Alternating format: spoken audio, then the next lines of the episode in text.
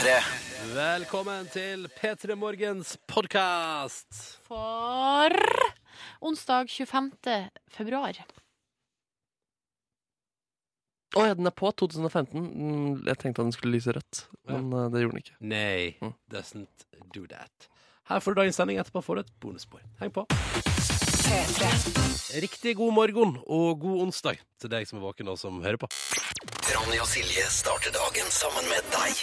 Dette er P3 Morgen. For det er tross alt eh, onsdag allerede. Vi er midt i veka. Eh, det nærmer seg helg. P3 Morgen er i gang på en ny dag. Hallo! Hallo! Og der er jo Hamarøyas stolthet, Silje Nordnes. Ja, takk for meg. Takk for det. Hyggelig at jeg fikk lov til å komme. Uh, ja, det skulle bare mangle, egentlig. Vi, altså, du var forventa. Fortsatt med en liten hoste innabords, men altså Dette skal vi komme oss over uh, og leve med. Det skal vi eh, leve med. Hvordan er det med deg da, Ronny? Nei, fin form. Fin form. Har sovet altså så uh, dårlig i natt. Nei. Eh, jo, jo, jeg har sovet kjempedårlig. Hva skjedde? Jeg har noe vridd meg. Jeg har vridd meg. Og inni der så har jeg på et tidspunkt uh, um, hva har skjedd? Nei, altså på et tidspunkt i løpet av natta så har jeg altså drømt at jeg har vært på eh, USA-ferie, og at jeg uh, har altså Og at jeg ved en tilfeldighet Nei, men hva i all verdens navn og Jo, men det var, det var en så utrolig latterlig drøm, da. Men jeg, jeg drømte at, at jeg eh, var og hang ut med uh, og, uh, Justin Bieber. og at jeg på en måte Hva skal man si? Um, uh, um, at jeg, jeg veileder han i den gode retningen. Han har vært så trøblete i det siste. Og du var en slags Det er en slags mentor. mentor der om hvordan man skal oppføre seg. Ja. Eh, og dette var klamt å fortelle om, kjenner jeg. Spiste du noe godt i drømmen? Ja, Og mye pizza. Jeg har hatt en hangup i drømmeland, altså i, eller generell fantasiverden i det siste, på pizza. Eh, Mye drøm om pizza. Jeg har drømt om eh, deilige, tjukke skorper eh, som knaser, eh, og den deiligste mozzarella på toppen. Har jeg, det har jeg fantasert mye om i det siste. Ja. Mm. Nei, men det var jo interessant. Litt Jeg lurer på, Hva skal vi lese ut av det her? At du eh, nå i 2015 fortsatt drømmer om Justin Bieber? Nei, nei, ikke vri det til det. Det var, var en slags mentor og en hyggelig sånn det er bare sånn, du må, du må slutte å være en douche. Du må oppføre pent. Ja. Altså, der er det meg, da. Jeg prøver liksom å dra, ut, dra noe ut av drømmen, men Ja. kanskje det ikke er vits at man skal gjøre det. Jeg vet ikke. Du, du, må, du må gjerne prøve, men jeg, jeg tror ikke det er noe mer å hente der, altså. Eh, men hei, nå er vi ute av drømmeland. Du har ikke noe å ta med derfra, du, Nordnes? Nei, jeg husker altså, jeg har, Det har vært helt svart hele natt. Ja, var våken, hadde hostekule i tredraget. Ah, yes. Bortsett fra det, jeg sov som en stein. Ah, godt å høre, godt å høre. Hvordan går det med deg der ute, da? Vi er nede for deg med kodord P3 til 1987. Du som er med oss tidlig, tidlig på morgenen. Hvordan går det egentlig, dette her? Uh, så hvis du har lyst til å gjøre det, så må du gjerne slå på tråden. Skulle til si. Slå på tråden, da, du! Riktig god onsdag. God morgen! Ja, jeg føler meg i fin form, altså. Tross at jeg nettopp eh, kjente at det var en litt ut av komfortsonefølelse å fortelle om min utrolig rare drøm. Drømmen der du har eh, vært en slags mentor for Justin Bieber. For å komme back to the good side. Ja. Ut av the dark side. Stusslig, ass. Eh, men hei, nå er jeg tilbake her i kalde Norge. Eh, og det er tidlig morgen, det er mørkt utendørs. Du er våken der ute i det ganske land. Silje er våken her. Og jeg har fått meg en kopp kaffe. Det skal ikke, skal ikke mer til, altså. Skal ikke mer til. Nei, det skal ikke det. Og så har vi jo SMS-innboksen her også tilgjengelig. Og jeg lurer på om eh, Har vi starta en trend, eller jeg vet ikke. Men uh, her er det flere som forteller om drømmen sin. Ja. Uh, eller her står det natt til tirsdag drømte at Silje var blitt så sjuk at dere trengte noen til å ta over. Og jeg var tilfeldigvis utafor og fikk gjøre P3 Morgen med Ronny. Ah! Her er det noen som drømmer om å ta min plass. Ja, det men, men er vedkommende anonym også? Ja. altså, skal ikke utlevere navnet. Nø. Men så, også så gøy at, fordi at hvis du hadde vært sjuk, Silje, ja. Så hadde vi tatt eh, en vikar som tilfeldigvis var utafor NRK. Jeg tror du ikke det? Jo, jo. Bare, k- Hallo? Ja. Er det noen her? Fem på seks? Kunne vi fått en vikar? Ja, men hvis det var noen som var eh, våken og klar såpass tidlig, så må man jo bare slå til. Ja, ikke sant? Ikke Ja. sant? Ja, ja, ja. Kom inn, kom inn. Kom inn i varmen. Ja. Er det litt varmt der, apropos? Eh, Det er litt varmt, men jeg har både ullgenser og ullskjerf på Ja. meg. Jeg må ha det litt varmt og godt. Du vet at vi har jo eh, Hvis du er fastlytter av Kristine og sånn, så har du hørt om dette her, og vi har pratet om det så vidt. Vi vi er på en liten sånn, vi er på en sånn Det pusses opp der vi vanligvis henger. Eh, så vi er på en liten sånn midlertidig location i NRK-systemet. Jeg vil si at det rommet vi sender fra nå, det er det er et godt gammelt radiostudio av typen. Jeg tipper det var i drift allerede i 1950. Uh, Eh, ja. Og at de ikke har gjort så mye med det siden. Hengt opp noen nye gardiner på 90-tallet, har de gjort. Mm. Uh, men ellers eh, så ser det ut som det er dratt rett ut derifra. Og det, sånn, det føles veldig nostalgisk. da Jeg føler at jeg, føler at jeg må lage gammeldags radio når jeg prater der inne. Det må du ikke gjøre. Nei, nei, nei jeg skal ikke. Jeg synes det er veldig koselig her. Og så har vi fått noen slags persiske tepper som noen har funnet på rekvisittlageret her, Ja. sikkert, på gulvet. Og det er jo veldig mye finere enn det jeg vil si, det grå gulvet mot den veldig lyseblå eh, kanten opp mot veggen. Lista der, liksom. Mhm. Ja, så da er det veldig fint å dekke over litt med persiske tepper. Nydelig, nydelig. Mm. Så, så det, er veldig sånn det, er litt annerledes, men også litt uh, fint og eksotisk, vil jeg si. Henger noe kunst på veggen, og det er jo rare greier. Men det blir samme type radio selv om vi er på, i et nytt studio. Tror ikke det skal merkes i det hele tatt, faktisk. Nei. Uh, og du er heldigvis ikke så sjuk at vi tar inn tilfeldige som vikarer heller, så dette skal gå bra. Og noe mer du hang deg opp i? Som er Eh, skal vi se, her er det en som nylig har slått eh, opp med kjæresten sin. Eh, trenger litt medlidenhet. Um, ellers en fin morgen i Førde by. Å, hallo, Førde! Ja, Kjekt å ha Førde med på morgenen. ja det er Som hyggelig, det. enhet. Som byenhet. Uh, og så, som man pleier å si, et, uh, som et trøstens ord til folk som nettopp har gått gjennom et brudd. Det blir bedre. Det blir Eller bedre. hva sier du, Nordnes? Jo da, det blir bedre. Ja. Og så tar vi med melding her også fra Andreas, som sitter i bilen på vei til Sørlandet. Hatt samme type hostekule som jeg har hatt nå i to uker. Fader, Eh. Å nei! Eh, men han sier det ordna seg da etter hvert. Ja, vi får håpe det. Vi får håpe det. Og krysse fingrene. P3.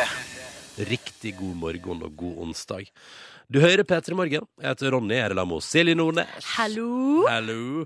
Eh, som har vært og ordna seg litt eh, frokost mens vi har lytta til eh, Daniel Kvammen og, og litt ymse. Ja, det gikk fort. Eh, Jeg er nesten ferdig å spise allerede. Ja. Hva var det du gikk for i dag? Det samme som hver eneste dag. Ja. To rugsprø med ost og skinke. Eh, agurk. En halv avokado. Jeg vet, skal jeg si hva jeg uppa det med litt i dag? ja, for du gjorde noe utenom det vanlige i dag? Eh, fordi jeg fant eh, en kjeks oppe på kjøkkenet. Nei, slutt å tulle. Så jeg tok med meg den kjeksen hit, så den har jeg liggende her. eh, eh, skal la den Hva slags uh, kjeks er det? mm, eh, Ballerina med sjokolade. Ja vel, ja, var det flere kjeks der oppe?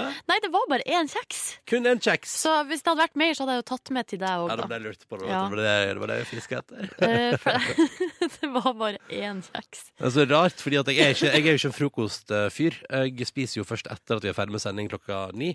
Um, og nærmere ti år, kanskje. Jeg, jeg, jeg, men akkurat vet du, ballerinakjeks, det kunne jeg forsynt meg med. For det er merkelig, for der er det et annet system hos meg. Da. Akkurat det der med søtsaker. Ja, det har du lyst på. Ja, det, ja. Men jeg hinta det nå for at du har lyst på min? Nei, nei, nei, nei, nei. Den unner jeg deg i all sin egenhet til deg, Silje Nordnes. Ja, for jeg skal spare den, skjønner du, ganske lenge. Ja, vi kunne jo selvfølgelig delt den at den ene eksempel sleika sjokoladen, og den andre tok kjeksbiten rundt, men det er et eller annet Kan vi ikke vurdere det litt? Og se om eh, vi skal få delt den på noe vis? Ja, kanskje vi skal ta det opp til eh, vurdering. Altså, det er jo det mest rettferdige er jo at vi deler den kjeksen. Nei, nei, nei, nei, nei. Jo. Finders keepers, Nordnes. Ja, Ja. det er sant. Mm. Så den der, den der gir jeg deg fullt og helt, helt for deg sjøl. Og jeg skal ikke komme her og claime noe som helst. Sikker? Jeg er helt sikker. Hvis jeg tilbyr en halv? Nei, vet du, nei, nei takk. Nei. OK, nei, det var vanskelig. vanskelig. Nå har jeg hørt om kjeksen, Uh, kjent på følelsen av kjeksen. Ja. Du kan beholde kjeksen. OK, Ja, ja, greit, da gjør jeg det. Ja, ja, gjør det, gjør det. Hvordan går det med deg der ute? Vi vil gjerne høre fra deg i dag. Altså, Kodeordet er P3, nummeret er 1987. Hvis du har lyst til å eh, ytre om uh, dine følelser i kroppen og i sjela eh, denne onsdagsmorgenen, hvordan går dette her egentlig? Skal du noe spenstig i dag? Mm. Hjertelig velkommen til å bidra igjen, altså. Og her er det en som har sendt inn SMS og skriver etter ei ukes vinterferie innser jeg at jeg faktisk bruker å stå opp midt på natta. Så da eh, tolker det dit hen at vedkommende er tilbake ikke sant, fra ferie. Ja, ja. Men så skriver vedkommende at eh, med radio og kaffekoppen så går, eh, går alt bra. Eh, ja, jeg tar sågar meg sjøl i å ha savna det litt. Eh, Ja. At det er faktisk litt godt å komme tilbake til vanlig gjenge. Og så skriver vedkommende her, si som Olav H. Hauge, det går an å leve i hverdagen òg. Oi, Og det syns fiffig. jeg, ja, det synes jeg var litt fint. Du, vi tar med oss det inn i denne morgenkvisten her. Det Ja. går an å leve i hverdagen også. P3. Ariana Grande og Iggy Azalea og gjennombruddslåta til Ariana Grande. Vet du, dette var Problem på NRK P3 i eh, P3 Morgen, som har fått altså eh, tekstmelding fra en lytter som er ferdig på nattevakt nå, og har i løpet av natta montert to nye rulletrapper på Oslo S. Eh, sentralstasjonen i Oslo. Var der i går, og jeg så ingen tegn til at det var noe gale med rulletrappene. Nei, men eh, det er ikke sikkert det var noe galt. Kanskje vi bare skulle ha to nye rulletrapper. Nye, freshe rulletrapper. Ja. Å, tenk deg de som kom gjennom morgenrushet i dag da, til helt flunka nye rulletrapper. Kanskje det er nye funksjoner òg. Eh, kanskje det er høyere tempo, kanskje det er litt annerledes. Litt sånn annen steghøgde. Sånn at eh, det, fordi man blir, altså det er utrolig hva man blir vant til i morgenrutinene sine. Så se for deg, Silje, hvis du liksom er så innkjørt ikke sant, går den faste løypa hver eneste dag, og så kommer du dit i dag, da, og så er det et eller annet Du klarer ikke å sette fingeren på Så steget litt Ja. lenger, og så går jeg på trynet. Nei, nei, nei, men det er bare et eller annet som ikke fungerer helt, og det er et eller annet som feiler i dynamikken der. Noe, det er noe muffins i systemet. Og da kan vi her i Petter fortelle at det kan hende at det er at det har kommet ny rulletrapp i løpet av natta. Ja, eh, ja, det kan hende. Ja, Da vil vi ja. løse det liksom, problemet før det har blitt et problem. Ikke sant? Ja. Ja, ja, ja. Bare være eh, forberedt på Og så er store Tommy såpass trøtt at han eh, måtte Han har rett og slett måttet la Arthur, eh, som han deler bil med, kjøre til jobb i dag. Eh, Så Tommy kan bare sitte og slappe av ikke sant? og bare nyte livet. Så der er de to cruise inn på vei til jobb. Så perfekt da å ha en eh, slags eh, reservesjåfør eh, alltid med seg. Ja, ja, ja, ja, I. Arthur. Og da må man, eh, det er fint å komme og bytte iblant, og det er veldig bra. For da kan Tommy ta det med ro, da, og liksom ikke fokusere på noe som helst. Bare være i bilen. Hvis du var skikkelig trøtt en dag, Ronny, hadde du stolt på at jeg, at jeg skulle tatt over og styrt musikken og showet her? Eh, Og så kunne du bare lagt deg ned og sove litt Ja. Eh, Nei, du men- hadde ikke det, vet du. nei, men, hvorfor- men altså, det er pleier å si, hvis jeg hadde vært så trøtt at jeg ikke kunne trykke på play, Ja, uh, da hadde jeg kanskje ikke hatt noe her å gjøre. Det er jo et godt poeng. Det er et veldig godt poeng, syns jeg. Uh, så jeg tror vi bare lar det Nei, inntil videre, nei. OK. Ja. Stoler ikke på meg, da. Det, jo, det handler ikke om det. Handler ikke om det. Det handler bare om at uh, Fordi vi har vært gjennom Altså, Tommy og Arthur er jo på den der etappen som vi hadde for en 40-50 minutter siden. Altså å komme seg til jobb. Mm. Vi er jo på jobb. Ja, det har du rett i. Fordi st- eh, store Tommy setter seg på sida og lar Arthur ta over jobben når de kommer fram. Ja, vi får se, da. Ja, det- Utover dagen. Høres ut som oppsigelsesgrunn. Ja. Vi skal ta en titt på de største avisene i landet vårt sine forsider i dag. Dagbladet melder at vi knasker mer og mer smertestillende her til lands. Eh, så hei til alle som akkurat nå står ved eh, kanskje skapet på badet da, og skal til å finne fram Paraceten og stappe i seg en liten tablett før man går på jobb. Du er ikke alene. Og nei, nei, nei, nei, nei, sånn, ja, ja. Eh, Helt eh, Ty, riktig. altså, sier det er så mange som eh, Jeg knasker. skjønte, Du skjønte det? Ja, men jeg trodde det var sånn At du skulle være innrømme at det, der har du også vært i dag. Å oh, ja. Nei da, det har jeg ikke. Nei. Nei. Uh, annen sak fra Aftenposten, jeg bare kjapt om det også. Uh, altså, Fagfolk mener nå at rypa kan forsvinne fra norsk natur. Hæ?! Hva skal folk jakte på da? Hva skal man da legge ut på fancy jakt i fancy jakttøy etter? Eh, nei, jeg vet ikke. Det må noe annet, da, Ja. i så fall. Hjorten der, da. Føler du sjøl at du blir berørt av det faktum at rypa kan forsvinne fra norsk natur? Jeg tror ikke det kommer til, eh, for min del, eh, rent personlig, egoistisk sett, kommer ikke til å gjøre en eneste forskjell i mitt liv. Under noen omstendighet. Kan jeg bare si at når man er på fjelltur og går og aner fred og ingen fare, og så plutselig så bare fyker det rype opp av eh, bakken, holdt på å si, Ja. det er en ganske flott naturopplevelse. Så jeg synes det er veldig synd, da, Ja. hvis rypa forsvinner. For du drømmer om at jeg skal fyke opp foran deg i natur. Rype, ja. Ja, ja, ja. Uh, det er også uh, ei sak på forsida av Aftenposten i dag, da. Uh, og så må vi prate om at akkurat nå, på Filippinene de melder det på, de på forsida av VG nå, da.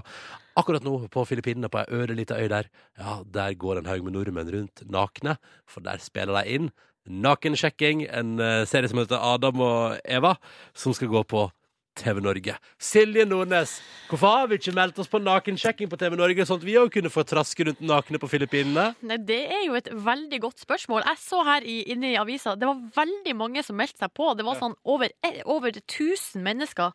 1200 meldte seg på da TV Norge søkte etter folk til nakensjekking. Man må jo være naken på TV, da. Ja, det må man. Ja. Hva kjenner du rundt det? Ikke så interessert sånn umiddelbart. Nei, nei. Eh, og, så, og jeg ser at de påstår her, eh, de eh, som laga det her programmet at, for det har jo blitt lagd i andre land før, så de har jo sett på andre land sine versjoner. At man på en måte Man legger merke til nakenheten et par minutter, men så forsvinner det. Så da kunne så- man egentlig bare sjekka med klær på, da. Nei, men så handler det om andre ting. Eller sånn Ja, men du har fortsatt en slags verdi i at man har tatt vekk De påstår her at, man, at det er så bra det er at man har tatt vekk alle mulige sånne her, liksom, statussymboler. Ja. Klokker og eh, fancy klær, diamanter. Man skal heller bare møte hverandre sånn som man er. Ja. Helt naken. Det blir, ra- det blir for rart. Det blir litt for rart. Og du kunne ikke joina? Eh, nei. Nei. Kunne du? Nei, er du gal? Vært naken på TV? Jeg er ikke interessert i å være naken med andre folk engang. Hva skal man da, da kan man ikke ta det ett steg lenger og gå rundt naken på Filippinene. Ingen andre folk. Nei, det er kjæreste, da. Men det stopper der på et vis, syns jeg. Ja, riktig. Ja, Ja, men du trenger jo ikke å være med på nakensjekkings-TV, fordi du har jo kjæreste. ja, Veldig godt poeng. Ja. Ja. Og flaks det, ellers hadde jeg vel meldt meg på. Ja. Nei da. Oi sann, oi sann! Jeg beklager, men det kommer altså så brått på. Ja, ja. Ta med en siste sak eh, fra Aftenposten her. Her står det altså kartet som skremmer helsemyndighetene. Det er et europakart eh, der det står altså um, noe tall over land. På Norge står det tre, eh, og det betyr at vi har hatt tre meslingutbrudd i Norge i år. Eh, og så er det Italia har 1921. Wow. Eh, og det her meslinga er jo en sykdom, barnesykdom, som eh, de eh, Altså målet var jo å utrydde den, og den var nesten utrydda med eh, vaksineprogram. Eh, og eh, nå er det sånn at det er flere Altså folk er skeptiske til vaksiner, de lar være å vaksinere ungene sine. Og nå pågår det altså minst fem større, store utbrudd med meslinger, da. Denne sykdommen som vi egentlig nesten hadde utrydda. Og det er kun fordi folk ikke vaksinerer kidsa sine at vi har fått den tilbake. Yes, det tror eh, forskere. Så um, det, Hva er meslinga, egentlig? meslinga det er en virussykdom som jeg nå da har lest meg til eh, Ja. i Aftenposten her. Ja. innrømme at Det er såpass utrydda den tydeligvis nesten vært at jeg veit ikke helt hva det er. Ja, en av de aller mest eh, smittsomme virussykdommene vi kjenner til. Eh, Det er altså feber, hoste, snue, eh, og så er det da det her meslingutslettet, som er sånne små røde prikker som du får over hele kroppen. Ja. Eh, og, Er det eh, farlig? Ja, det er vel farlig, men det er jo litt sånn typisk at i Norge så er det ikke farlig, fordi Mm. vi har så go- godt helsevesen. Men tenk det, det er et eller annet trist med at den gjør en retrett. Eller ikke retrett, det er det da. Ja, det blir omvendt. At den gjør en et slags comeback. Ja, comeback Ja, det er veldig trist, eh, fordi at det, vis, altså det blir på en måte det arbeidet som har blitt gjort i løpet av mange år, bare helt forgjeves, da. Mm. Så eh, jeg for min del vaksinetilhenger. Tilhenger Tilhenger av vaksine, ja. Nettopp, Tok til og med svineinfluensavaksiner. Ja. Uten å kny, hvis det er det det heter. Ja, ja. Gikk bare godt. Ja, ja, gikk, Ja, gikk bare godt. bare godt. Det er godt å høre. Det er ikke alle som deler den skjebnen. Silje Nordnes sitter og blar i avisene. Mm. Jeg heter Ronny og sitter her og trykker på knapper og skal nå sette i gang dagens konkurranse. For vi har jo konkurranse her i P3 Morgen rett over sju hver dag, og målet er jo å komme hele veien fram til en siger og kunne dele ut deilige, deilige premier. Vår morgenkåpe eller DAB-adapter til bil. Det skal da deltakerne få lov til å velge i. Men det som er tricky her, er jo at alt som foregår, må besvares riktig for at det blir premie til noen som helst.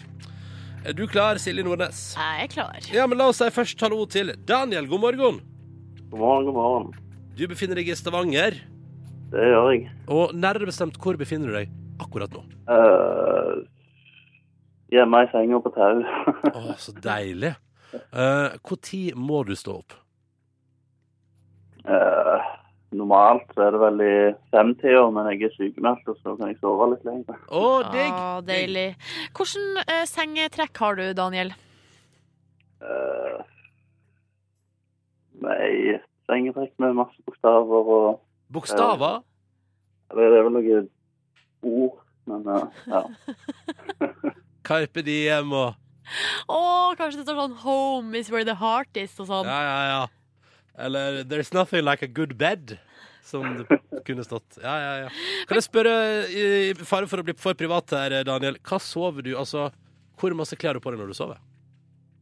Nei, det er minimalt. Altså ingenting? Nei, jeg sover nå i bokser, men eh, Ok, så det, Akkurat nå har vi med oss Daniel i bokser, i sengetøy med bokstaver på. Koselig! Fint bilde å ha med seg, syns jeg. Velkommen skal du være til vår konkurranse. Og velkommen også. Vi skal helt fra Stavanger til Tromsø. God morgen, Kristine. God morgen. God God morgen. morgen! Hvor er du akkurat nå? Jeg sitter i sofaen med en kopp kaffe. Ah, ok, nettopp, nettopp. Har du fått på deg klesantrekket du skal gå med i dag, eller er du fortsatt i heimemodus? Du er heimemodus, ja. Sitter i pysjen. Å, så digg. Hva slags type push er det? Hva snakker vi? Hva slags type tøy er det du velger? rosa Rosa. ja, Men er det flanell eller bomull eller bomull. Åh, det høres deilig ut. mm. Men jeg må spørre deg òg, Kristine, hvilket sengetøy du har, selv om du nå har beveget deg vekk fra senga og inn i stua. Åh, jeg har sånn deilig krepp. Åh, Og det er sånn ruglete, sant? Ja. Ja. ja, det er digg, altså. Mm. Ja, ja, ja, ja. Sjøl jeg sverger til flanell i alt det gjør. Jeg syns det er greit. Men bare spør Kristine kjapt hva du skal gjøre. Hva skal du i dag? I dag så skal jeg studere litt, jobbe med oppgaver, så skape jobb. Skal på jobb, ja. Mm. Perfekt. Aller først så skal du delta i konkurransen vår. Let's go! Yes. Vi begynner med Daniel. Er du klar? det er greit. det. Ja, men så bra. Direkte fra senga på eller i tau? På tau, sant? På tau, direkte fra senga på tau. Eh, Så skal altså Daniel nå få et spørsmål, og det må besvares riktig. Spørsmålet lyder som følger. På denne dag for 33 år siden brakk Norges mest kjente skistav under ski-VM i Oslo. Hvem var det som brakk staven for 33 år siden i dag? Uh, var ikke det han der Oddvar Brå? Ja, var det det? Er det det du svarer? Ja, satser på det. Daniel direkte fra Tau svarer Han der, der er Oddvar Brå, og det er helt riktig! Hvor var du, Daniel, da, da Oddvar Brå brakk staven? Da var jeg, da var jeg ikke påtenkt engang. Nei, ikke sant. Ikke jeg heller. Samme her. Men det er bra du har fått med deg historien. da, det er fint.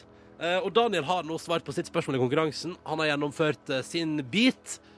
Betyr ikke at han vinner premie. Fordi her må alle spørsmål besvares riktig for at det skal bli premie. Det betyr at alt nå, Kristine, er opp til deg direkte fra sofaen i Tromsø. Oi, oi. Er du klar? Jeg er klar. Så bra. Vi skal til musikkens verden i dagens andre spørsmål i konkurransen. George Harrison Nei, vet du, jeg kan, jeg kan ikke holde på sånn. George Harrison uh, ble født for 72 år siden i dag. Vi lurer på, Kristine, kan du nevne navnet på ett annet medlem fra The Beatles? Eh, John Lennon. Det er jo veldig Bare gå rett til frontfiguren. Kjempesmart, og det er selvfølgelig First Steady. riktig. Du, det her går jo helt strålende på en onsdagsmorgen. det er jo det. Både Ja, ja. Daniel og Kristine har svart riktig på sine spørsmål i konkurransen. Og Det betyr at vi er to tredjedeler på vei mot at de kan velge seg enten ei flott og ekstremt så, Altså, Kristine, du kan få deg et nytt uh, morgenplagg, da. En ny uh, deilig morgenkåpe fra oss i P3 Morgen. Uh, eller en DAB-adapter til bil. Men for at vi skal komme oss dit, så må et tredje spørsmål besvares. Og nå skal du, Daniel, som deltaker nummer én, få velge om det er undertegna her eller hos Silje Nordnes som skal få svare på spørsmål nummer tre. Nei, tenker den utfordringen kan du ta, Ronny. OK. Du er liksom favoritten for tida, Ronny.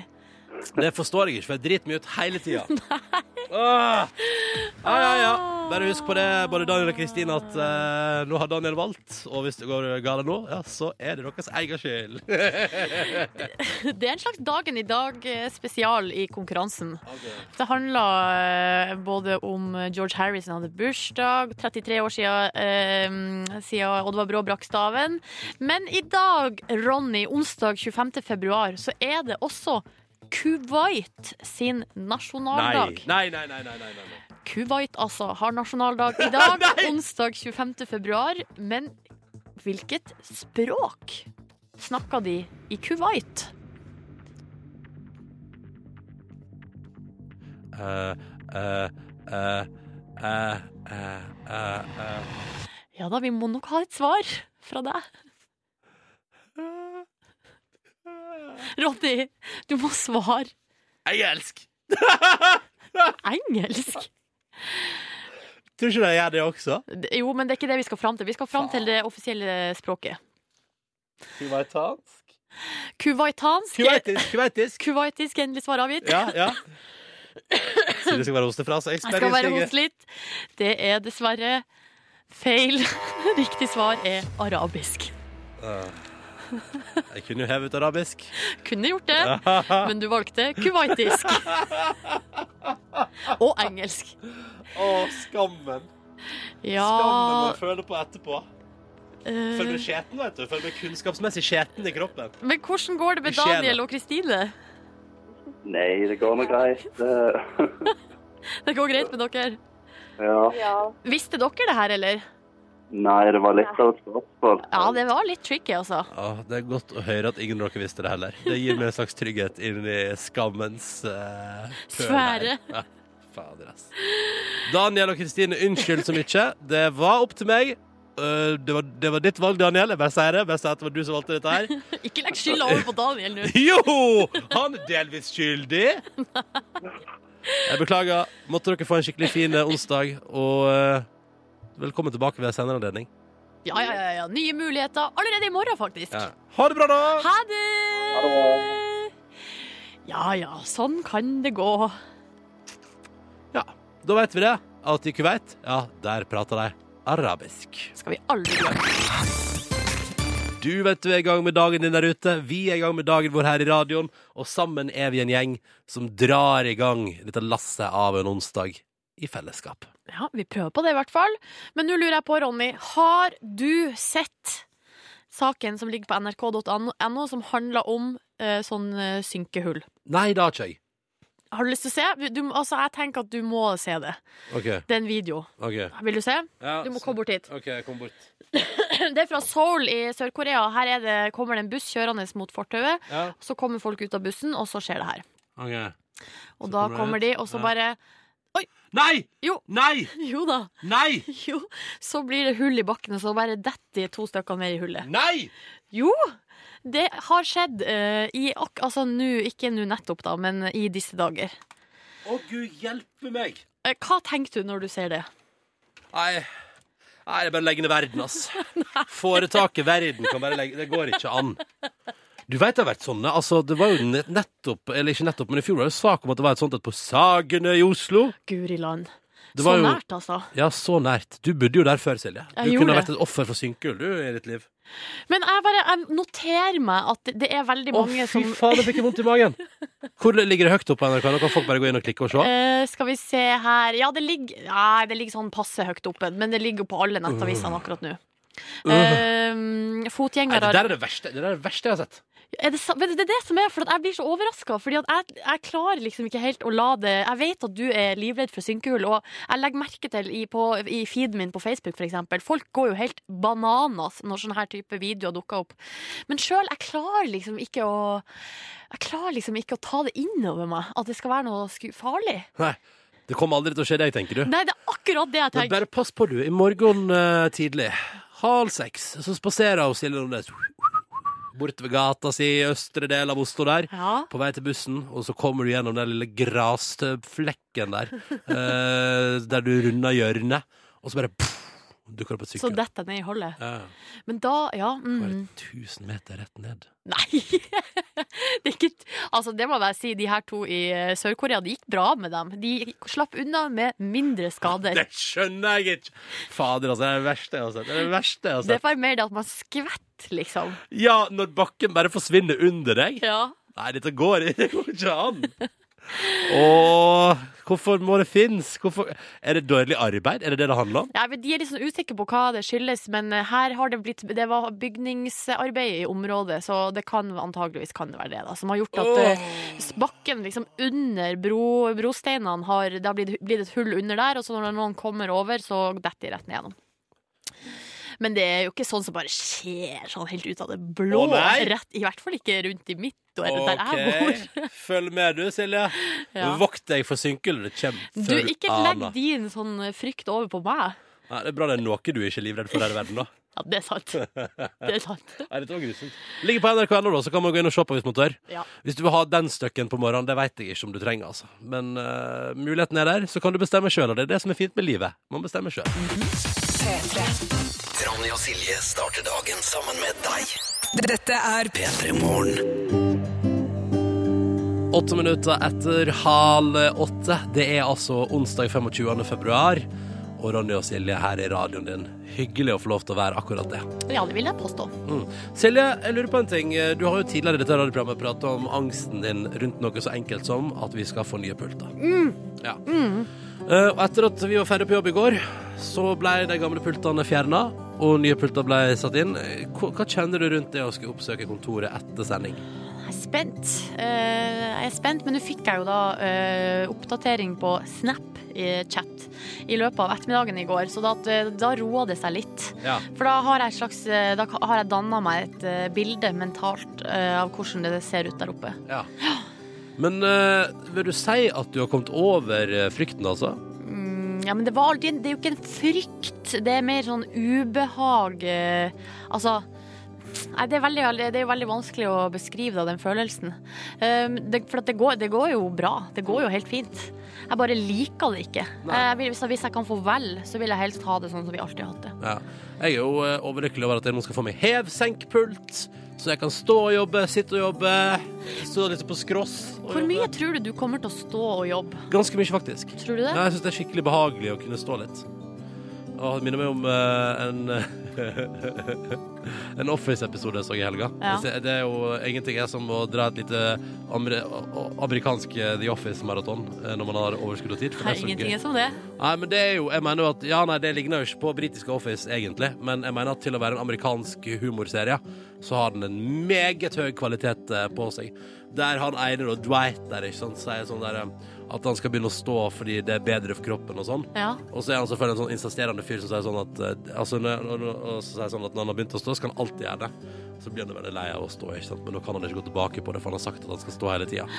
Og, Ja. så, og sånn skal ikke jeg bli. Jeg skal ikke drive og påstå at jeg kommer til å stå og jobbe hele tida. Nei, men Jeg mener ganske så tydelig at vi eh, rett etter jul, eller det var her et tidspunkt der du, vi drev og snakka om det, og så sa du sånn Nå skal vi begynne å stå litt Ja. eh, i studio, altså, for Ja, at vi kan også stå her mens vi lager radio. Ja. Men da gjorde vi det i én dag, og så var det ferdig. Ja, men fordi så står vi en time, og så sier du sånn Åh, kan ikke vi sitte litt? Men jeg satt jo på en barkrakk, så jeg var jo eh, Ja, nei, jeg liker å stå, eh, men eh, akkurat nå har vi satt oss, og så var det så beleilig.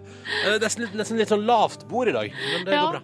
Nei, OK, jeg, bare, jeg er bare nysgjerrig, da. Jeg skal følge med hvor mye du står uh, ved den nye hev-senk-pulten Følg med, Silje Nordnes, for jeg skal stå altså innmari. Følg med! Ja, nå har du sagt det, Ja, ja, ja, så nå skal jeg følge med.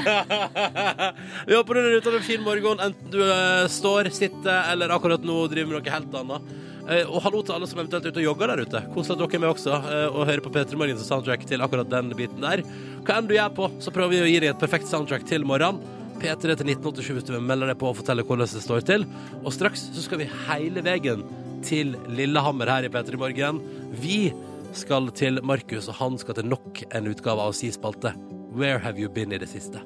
Så følg med i P3 Morgen om ikke så altfor mange minuttene. P3. I det siste. I det siste. I det siste. Og fast innslag i P3 Morgen og Markus Neby, du er ute i den store verden for å møte noen som vil lure på hvor har vært i det siste. Eh, Hvor er du akkurat nå? Du, nå er jeg i Lillehammer. Jeg valgte stedet. Tok toget hit. Så greit, det. Ja, ja, ja, topp. Og hvorfor det? Ja, og nå er jeg faktisk på et, eh, jo, jeg er på et eh, hotell hvor det er, jeg gikk akkurat forbi Jakob Oftebro. Det spilles inn en film eh, her jeg er, og, og en av de barndomsheltene mine er i kulissene her. Og hvis vi kan få på litt uh, musikk fra den TV-serien som vi har avtalt på forhånd at dere skal sette på, så vet folk hvilken serie jeg snakker om.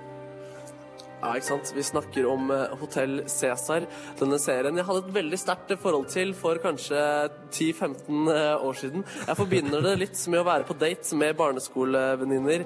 Og, og hvis, hvis vi kom helt dit at vi så på Hotell Cæsar sammen, da turte vi å vise hverandre til foreldrene. Og, så jeg skal nå møte en av disse folkene vi har sett på denne rulleteksten. Hun spilte Benedikte Brubakk i denne serien og var sammen med Christian Strand, eller Knut Arne. Hun har også vært sammen med Svein Krogstad. Vi snakker om Ingrid Nordby, som spiller Benedikte Brubakk i denne legendariske serien. Hun spilte i storhetstida da, til Hotell Cæsar, som var, for, mener jeg, da, for 10-15 år siden. Åh. Så du skal altså straks møte selveste Benedikte Brubakk? Det stemmer. det stemmer. Hvordan er det med nervene dine nå, eller er, du, er de i, i høyspenn? Eh, ja, de er det lite grann, eh, i hvert fall. Vi har jo prata lite grann eh, allerede. Men eh, hun sitter ved siden av meg nå, så, eh, men det, det er stressende, det. ja. Ja, ja, ja, det er bra. Vi gleder oss. Om litt i Petter altså, så skal vi endelig føre Where Have You Been i det siste? Benedikte Brubakk eller Ingrid Nordby, som jeg egentlig heter. Heng på! Heng på! Heng på.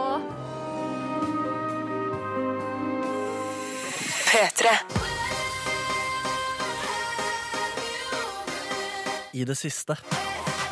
I det siste. I det siste. Ja, dette er jo spalta der eh, Markus oppsøker folk vi hadde et sterkt forhold til den gang da, og så lurer på hvor har du vært i det siste. Og Markus, du befinner deg altså på, på eh, var det Lillehammer? Lillehammer, filmsett på Lillehammer. Ja. Og hva er det du skal der, Markus? Jeg skal møte eh, Ingrid Nordby, som spilte Benedikte Brubakk i Hotell Cæsar.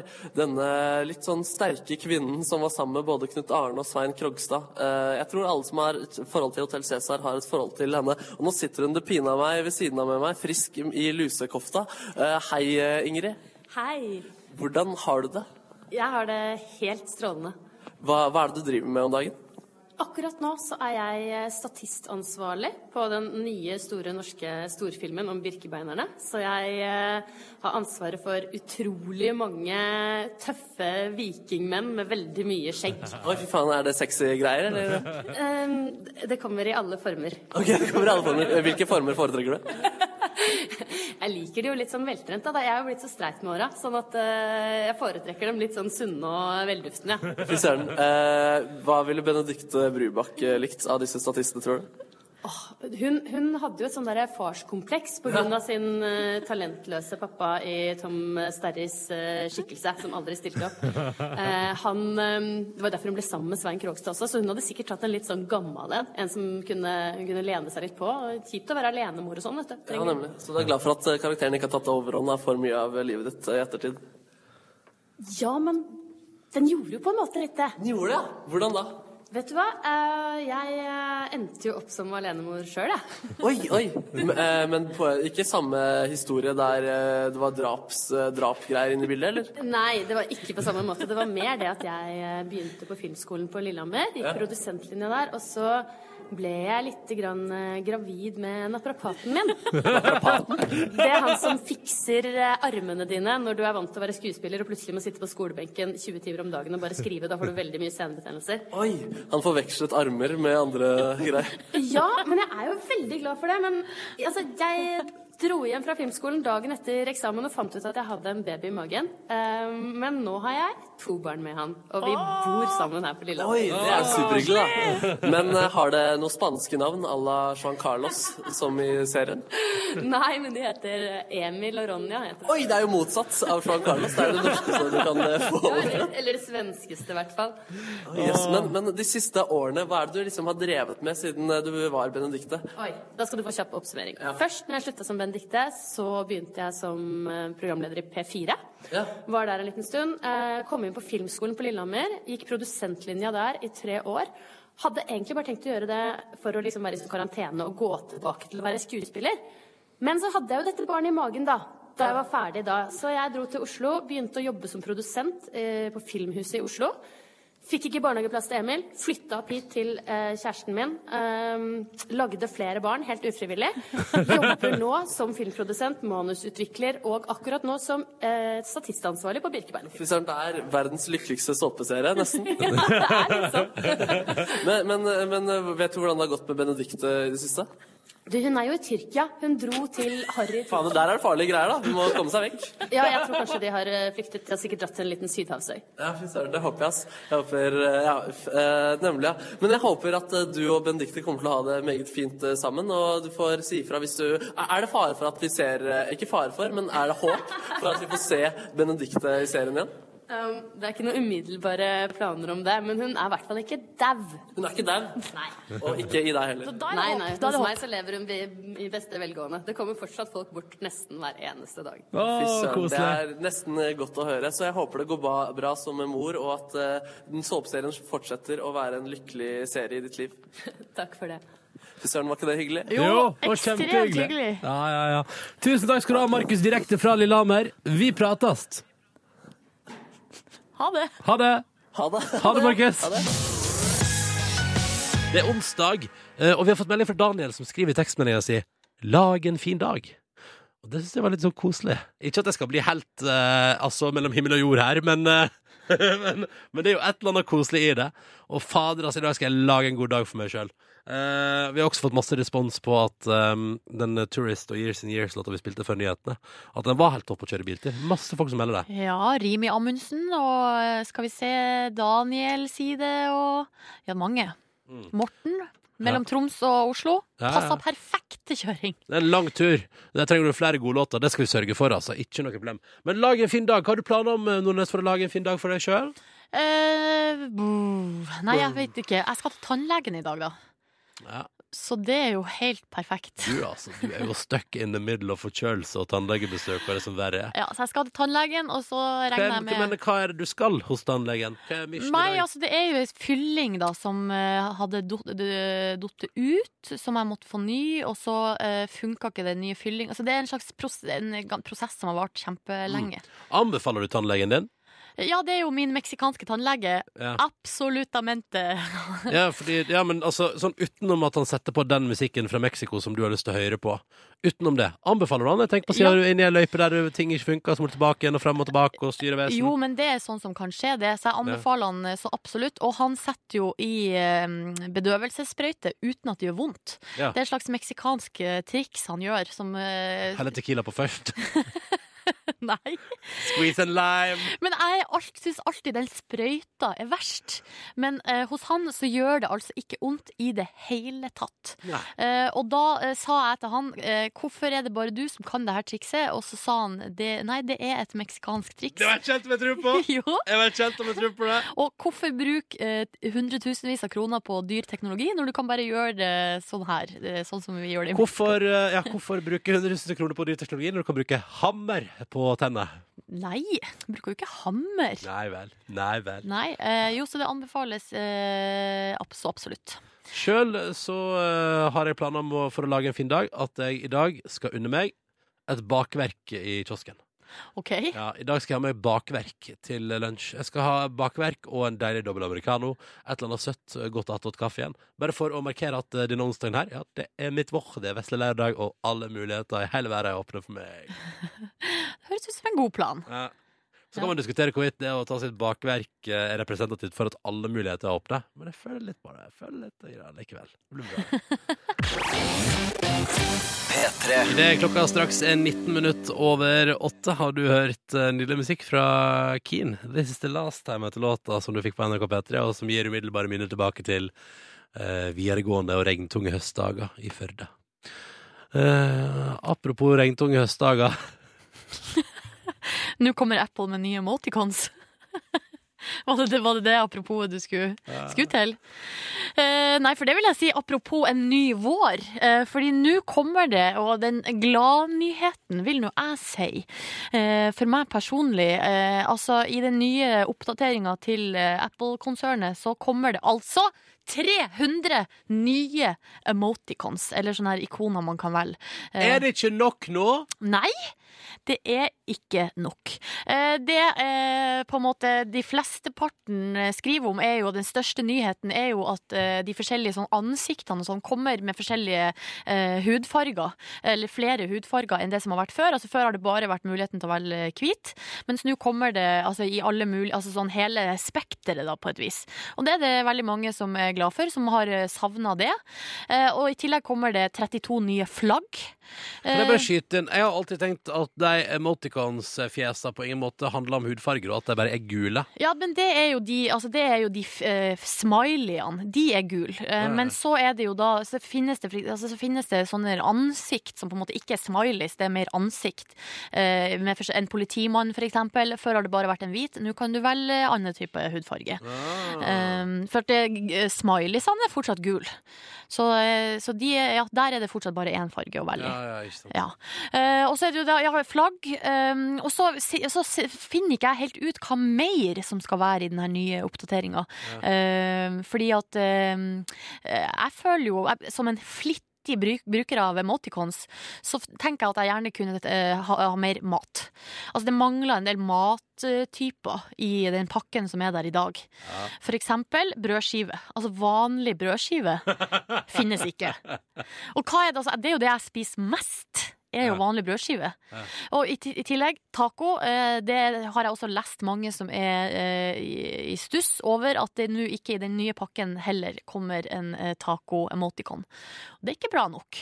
For hvilke tegn skal man jo bruke når man koser seg på en fredagskveld med tacos? Kan man bare gjøre som jeg gjør, bare skrive 'jeg eter taco'. Ja, men det blir så kjedelig. Ikke sant? Det er artig å kunne velge seg en lite, et lite symbol. Som, så det jeg har brukt til nå, er jo en mais. Altså eh, Mexicos En- egen eh, grønnsak. Nasjonalgrønnsak. Ja. Ja. Men du sjøl, ditt forhold til emoticons? Ronny? Nei, jeg har jo ikke installert noen tilleggspakker. What?! Jeg har ikke Har du ikke lagt merke til at mine tekstmeldinger er emoticon-free? Jo, jeg har kanskje det. Har ikke evne på bølger, da. Har ikke sett eh, behovet helt. Skjønner ikke hva man skal Hvorfor kanskje man bare uttrykke i tekst det man eh, driver med, gjør, det er planlegger? Det er artig, liksom. Det er, liksom en, det er jo det er noe litt krydder i hverdagen. Krydder hverdagen? Ja. Det jeg er spent på, Ronny, er jo om det kommer til å bli sånn Du blir som en slags altså, Du blir som mora i gjengen. Altså mammaen som oppdaga ny teknologi litt seint. Sånn at når du endelig installerer emoticons-pakken, så kommer det bare til å være en Altså, det kommer til å gå helt bananas fra deg med Sjansen er ganske stor for det. Ja. Eh, men eh, oss, hvis det kommer raspeball i den nye Se der, ja! Du har jo ønska, du òg! Ja, men da, da skal jeg installere. Hvis det kommer raspeball-emoticon, sånn kan Hører dere det, Apple-konsernet? Ronny vil ha raspeball. Raspeball og tequila. Da jeg, da, Ja, men Tequila tror jeg de har. Et har lite. Eller et lite shotteglass. Så kan man jo sjøl ja. tolke det hvor man vil. Er det det, Ja. Nei, Men da er det greit. Ja. Jeg, vet, jeg tror ikke jeg skal begynne på det, for da blir det overload et par måneder, og så blir alle lei av at jeg går helt Og så. ja, det er det jeg er litt spent på. Jeg tror det kommer til å skje. Ja. Nei, men så det var nå bare det. det altså, vi er på Altså, nå er utviklinga i gang. Ja, gud hjelpe meg, dette var Teknonytt, du. Ja. I P3 Morgen, som nå spiller Quabs med Walk. Alexander har sendt en SMS med kodord P3 til 1987. Og Han har ingen eh, kildehenvisning, men han påstår at er forskning viser at de som bruker mye emoticons, har mer sex. Woohoo! Ja. Jippi! Hvordan står det til i seksuallivet, Nordnes? Du som er en emoticons-ekspert. Nei, altså, jeg vil si, uten å bli for privat, at emoticon-bruken ikke står i stil. Det blir litt for lite på meg. Eh, sammen, altså, når man ser hvor utrolig mye emoticons jeg Ja, for du er ganske på. Og jeg lurer, men det er bare sånn, Alexander, er dette mer noe du sier til deg sjøl fordi at du er altså emoticons-avhengig? At Alexander er sånn Ja, ja, ja, forpult pult rikelig, ja, Ja, ja, ja, ja, Opsan. Oppsann! Oppsann! Jo, men man finner jo på Altså, man finner jo på grunner til å unnskylde eh, bruk av ting. Ja. Um, for eksempel eh, da jeg spiste frossenpizza i går kveld, så brukte jeg unnskyld, jeg er så sliten. Jeg er så sliten. ja, riktig. Ja, så da tar jeg meg en frossenpizza. Men er det forskning som viser at de som spiser frossenpizza, er mer slitne enn andre? Ja, det tror jeg. Det tror jeg faktisk er basert på ekte forskning. For Det var også sånn forskning her uh, i går, tror jeg det var, at de, folk som snuser, blir lettere alkoholavhengig. Uh, er det sant? ja, Jeg leste på nrk.no. Følgende forskning tror jeg på. De som snuser, blir fortere snusavhengig. Ja, det tror jeg òg. Men om vi blir uh, lettere alkoholavhengig, den kjøper jeg ikke, altså. Jeg kjøper det ikke. Du, vi har jo også, fordi at eh, Daniel skrev tidligere her i dag at eh, lag en god dag. Det var en slags oppfordring til, til alle. Og da har Anne vi, Og så lurte vi på hva skal du gjøre da for å lage en god dag for deg sjøl. Anne har skrevet her nå. OK, da var det bestemt. Det blir en burger på den lokale bensinstasjonen i dag. Har hatt lyst på hamburger i tre uker nå. I dag skal jeg unne meg det. Og, og en boks cola, skriver Anne da. Så da skal Anne lage en god dag for seg sjøl. Det er det ingen tvil om. Ingen tvil. Gratulerer, Anne. Jeg støtter deg på alle punkt i denne saka her. P3. Riktig god eh, morgen.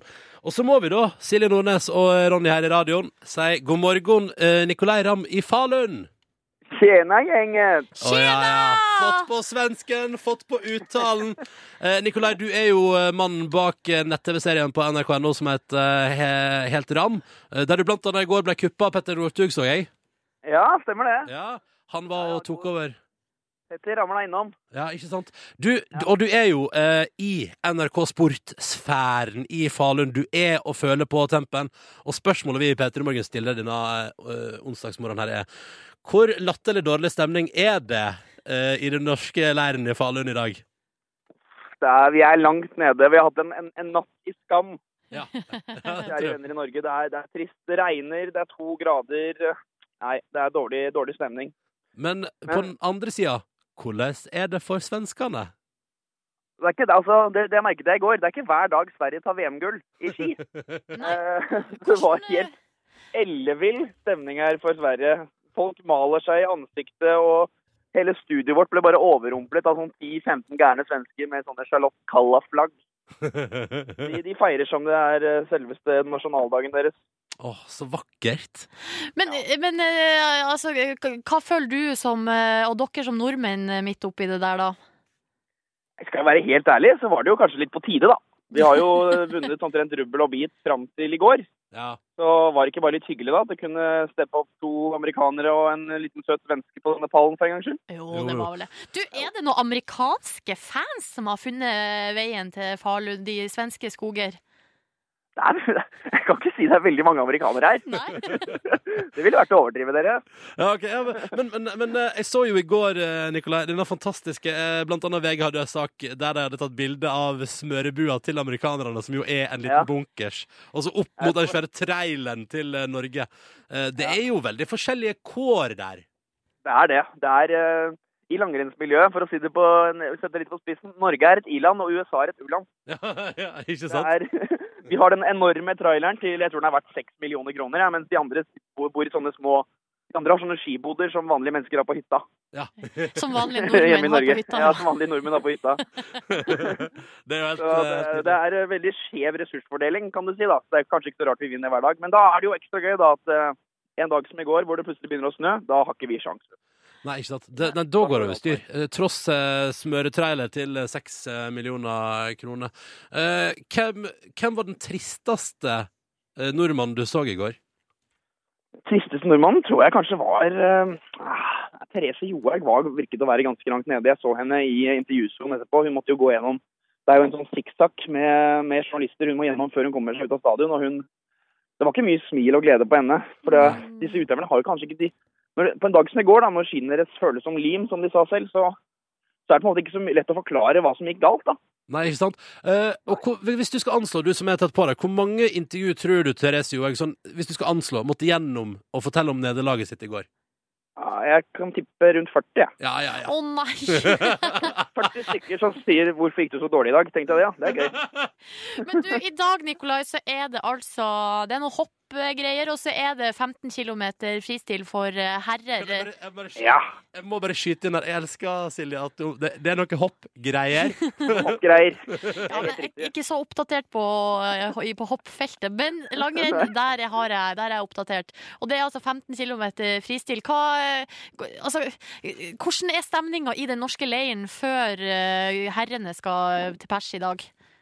Det gjenstår jo å se. Det er, det er veldig tidlig her nå. Jeg er akkurat ankommet VM-stadion her. Det er ikke veldig mye mennesker her, men jeg kan jo anslå at uh, det norske smøreteamet har nok ikke sovet spesielt godt i natt. Så de har nok stått i bussen siden uh, fire i natt, tenker jeg. Og prøvd å få disse skiene til å gli. da. Dette er jo, det er jo fristilt, det handler ikke om noe festesmøring. Det er jo bare å få skiene til å gli. Ja, ja, ja.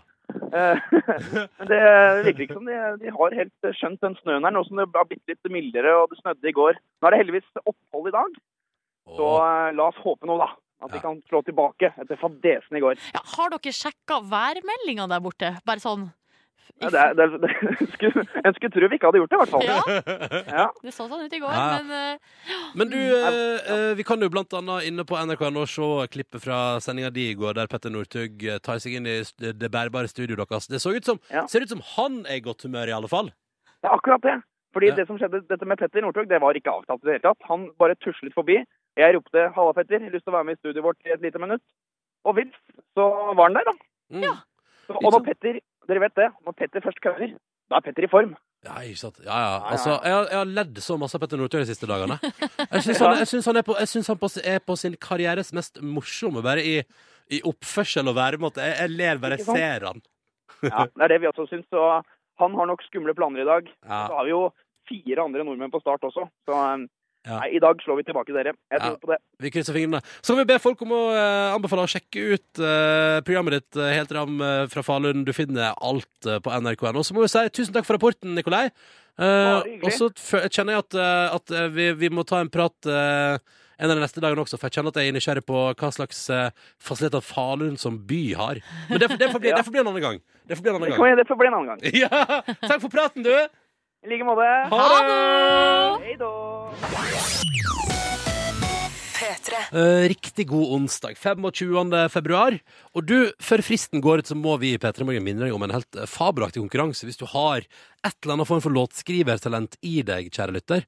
Fordi akkurat nå skal du inn på P3.no og lese om eh, den lille bysongskonkurransen som eh, foregår. Det er i forbindelse med Bylarm, da.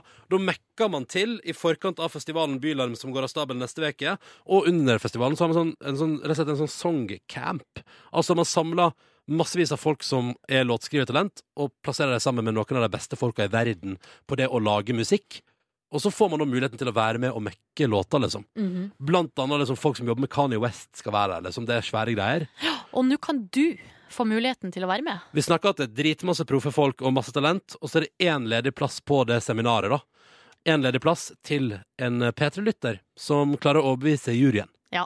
Fordi, og det er jo ikke på en måte Du må jo kunne må jo helst.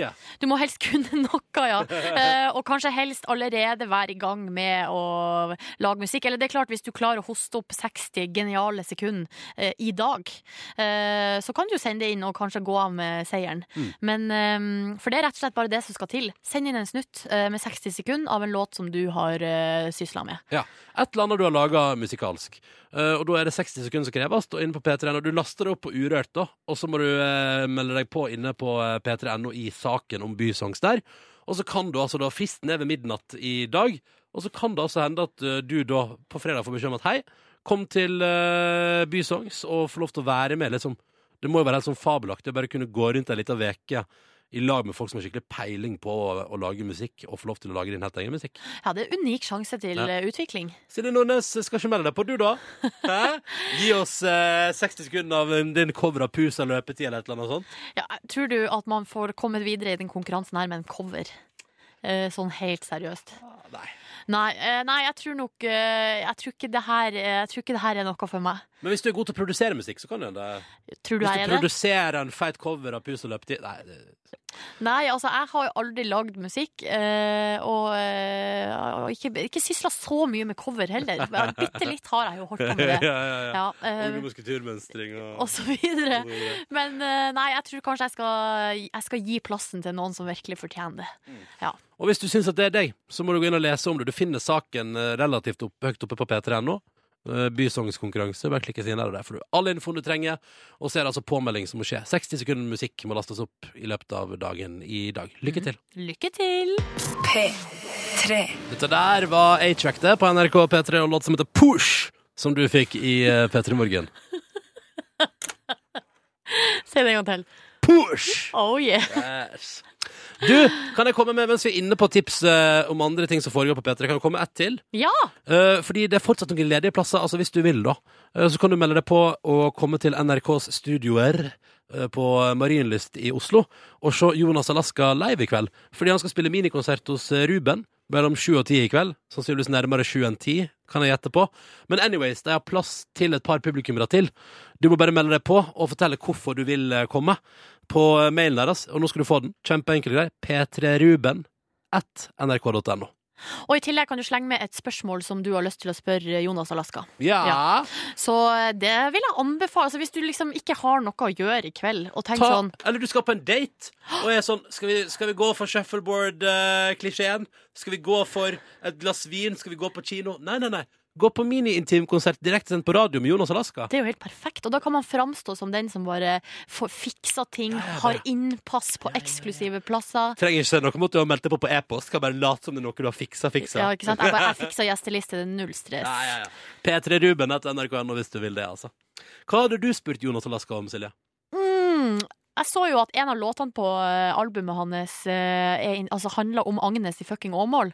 Og da vil jeg spørre, hva er din favorittreplikk fra filmen Fucking Åmål? Hva er din favorittreplikk fra filmen Fucking Jeg, Åmål? jeg elsker jo når han svenske gamle mann Når de sitter og kliner i baksetet, Agnes og Elin, og så sier han eh, gamle svenske mannen som de har, som de har Haika med. haika med, ut ur bilen. Ut ur bilen. Ah, det er så bra replikk. Ja, det er så bra replikk. Ja. Hjertelig velkommen til podkastens bonusspor. Ja, jeg ser at det har blitt etterlyst et bonusspor av flere innsendere via e-post. Og på Facebook. Og vi kan forklare det kjempeenkelt. Litt sykdom først. I en blanding av sykdom og stress forrige uke. Deretter over i en fase av minivinterferie. Det stemmer. Mm. Det betyr at i går og på mandag så hadde vi egentlig Free. fri. Der er jo Kåren også. Hallo. Hallo, Er det riktig mikrofon? Jeg vet ikke. Ja. Kåre! Det er så koselig. Er det fast jingle? Ja. Kan, må, må det bare være på bonussporet, eller kan det være hver gang jeg kommer på Eh, jobb? Det kan være når du vil, Kåre. Når jeg trenger det. Ja, hvordan går det med dere? Jeg skal bare sende en mail til musikkproducerne. Ja, Hvordan går det med deg, Markus? Du trekker pust, pusten djupt. Jeg har det godt. Jeg har kommet inn i en feriemodus hvor jeg nå kjenner at eh, kroppen på en måte tenker at den fortsatt eh, ligger i min seng. Du har litt sånn trøtte øyne. Det, ser ut som du sto opp for ca. to minutter siden. Ja, ikke sant? Det er den modusen jeg da er inne i. Som, sånn ser jeg ut når det er ferie. Og det betyr at kroppen sikkert hadde klart mer å gjennomføre flere dager med fri. Men at det definitivt er energigivende godt å være tilbake. Det er ikke bra å få for mange dager til å tenke på i sitt eget eh, sinn og heller. Nei, det er sant. Men eh, det har vært noen eh, deilige dager med avslapping og kos. Det er deilig å ligge i sin seng, og så er ikke du den første som eh, står opp. Det er en god følelse å kunne ligge der og dra seg lenge. Samme den jeg har hatt siste Oh. dagen. dagene. Helt konge. Nødt til det? Nødt til det? Ja, så innmari. Mm. Sett på litt uh, ski-VM. Um, spist biff. Vært med gode venner. Vært på dobbeldates. Oi! D uh, vært på fest. Du er ganske ofte på dobbeltdate, eh, har jeg inntrykk av. Ja, men Nå har jeg funnet en uh, dobbeltdate-formel som fungerer for meg. Og den uh... det eh, å være på vors har vi jo lært også tidligere. At dere bare sitter og drikker. Ja, det er det, akkurat det. Stemmer. Um, og at jeg liker mennesket, da. Det er altså Ja. en stor, stor fordel. Um, at, at, at daten springer ut fra mitt vennskap, og ikke fra dama mi sitt vennskap. vennskap. det liker du godt. Det liker jeg kjempegodt. Ja. Vil du dra oss gjennom dine opplevelser? Kan ikke vi begynne med fredag, da? fredag Oi, skal vi ta Urørt-finalen, liksom? Ja. Er det flere meg som syns det skurrer litt på Markus? Ja, det gjør det, men jeg lurer på det er for at du er litt høy. Du kan, kan ta mikken bitte litt lenger bort. Du kan flytte mikken, ikke hodet. Nei, nei, nei, jeg nei, jeg lurer på om vi skal stille litt lyd på den etterpå. Men det er litt sånn overstyrt, bare. Ja, men det, det vi Hallo? Får, vi får Hallo! Ja. OK.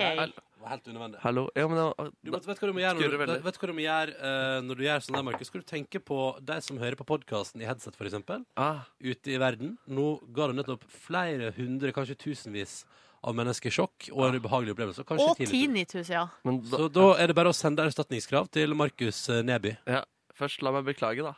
Og så jeg legger meg flat. Eller hvis dere lar meg legge meg flat. Og så kanskje vi kan komme oss videre. Hvis ikke vi gjør det, så ja, må jeg jo se på det.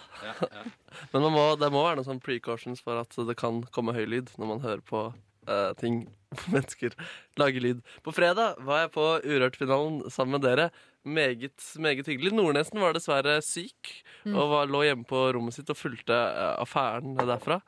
Mm. Um, men det var meget gøy Ikke ta mi, det er min historie. Nå må du ja, fortelle din men- historie. Ja, altså, det var gøy å være på den, eh, den festen der med mange fjes til stede som er på konserter.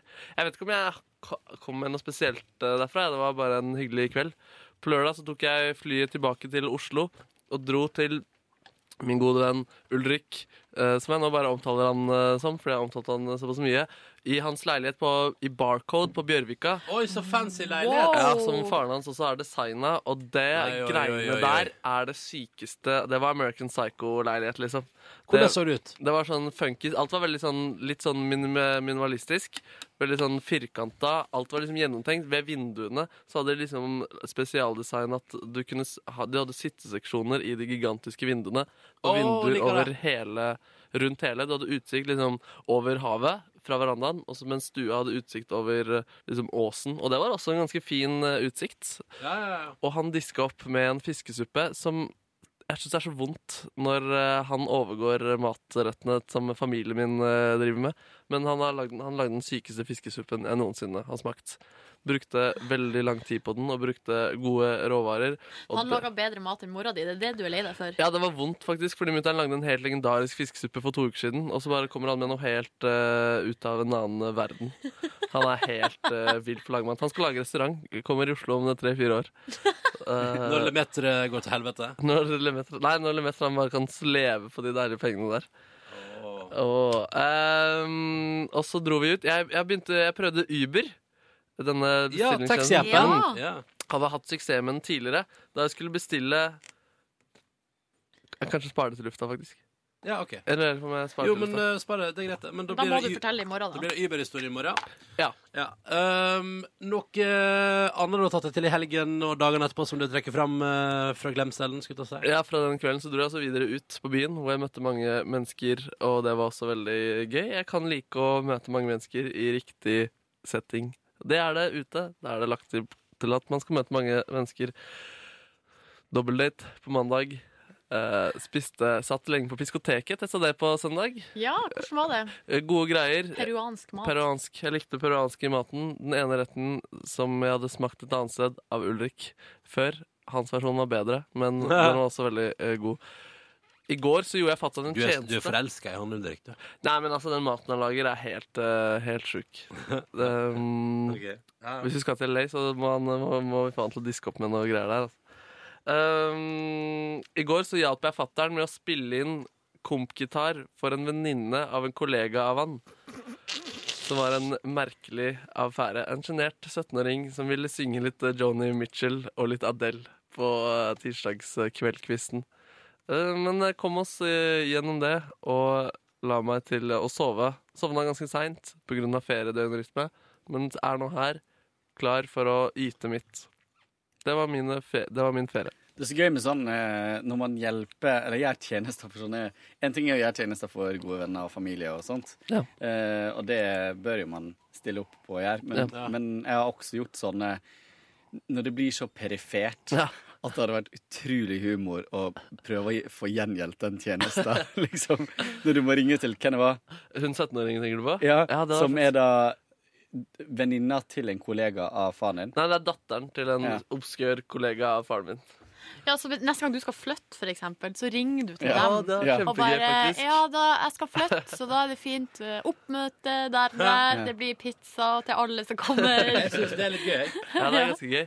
Det er veldig veldig rart, fordi hun var så ekstremt sjenert. Og det er jo klart det er en vanskelig setting å skulle synge inn med en fyr du ikke har øvd før, når du ikke er vant til å spille med andre mennesker. Og hun hører på P3 og er vel Metz-fan. Åh, men du, er det så For at far din har Han har studio i kjelleren, liksom. Han har et farlig studio i kjelleren. Ja, så det er derfor Farlig studio i kjelleren. er Låser inn 17 lå- låser inn 17 år gamle jente og gitaren deres der. Og meg. Det er family party. Men uh, Kåre, du har jo vært i Vølda i eh, ferien din. Jeg har vært i Volda.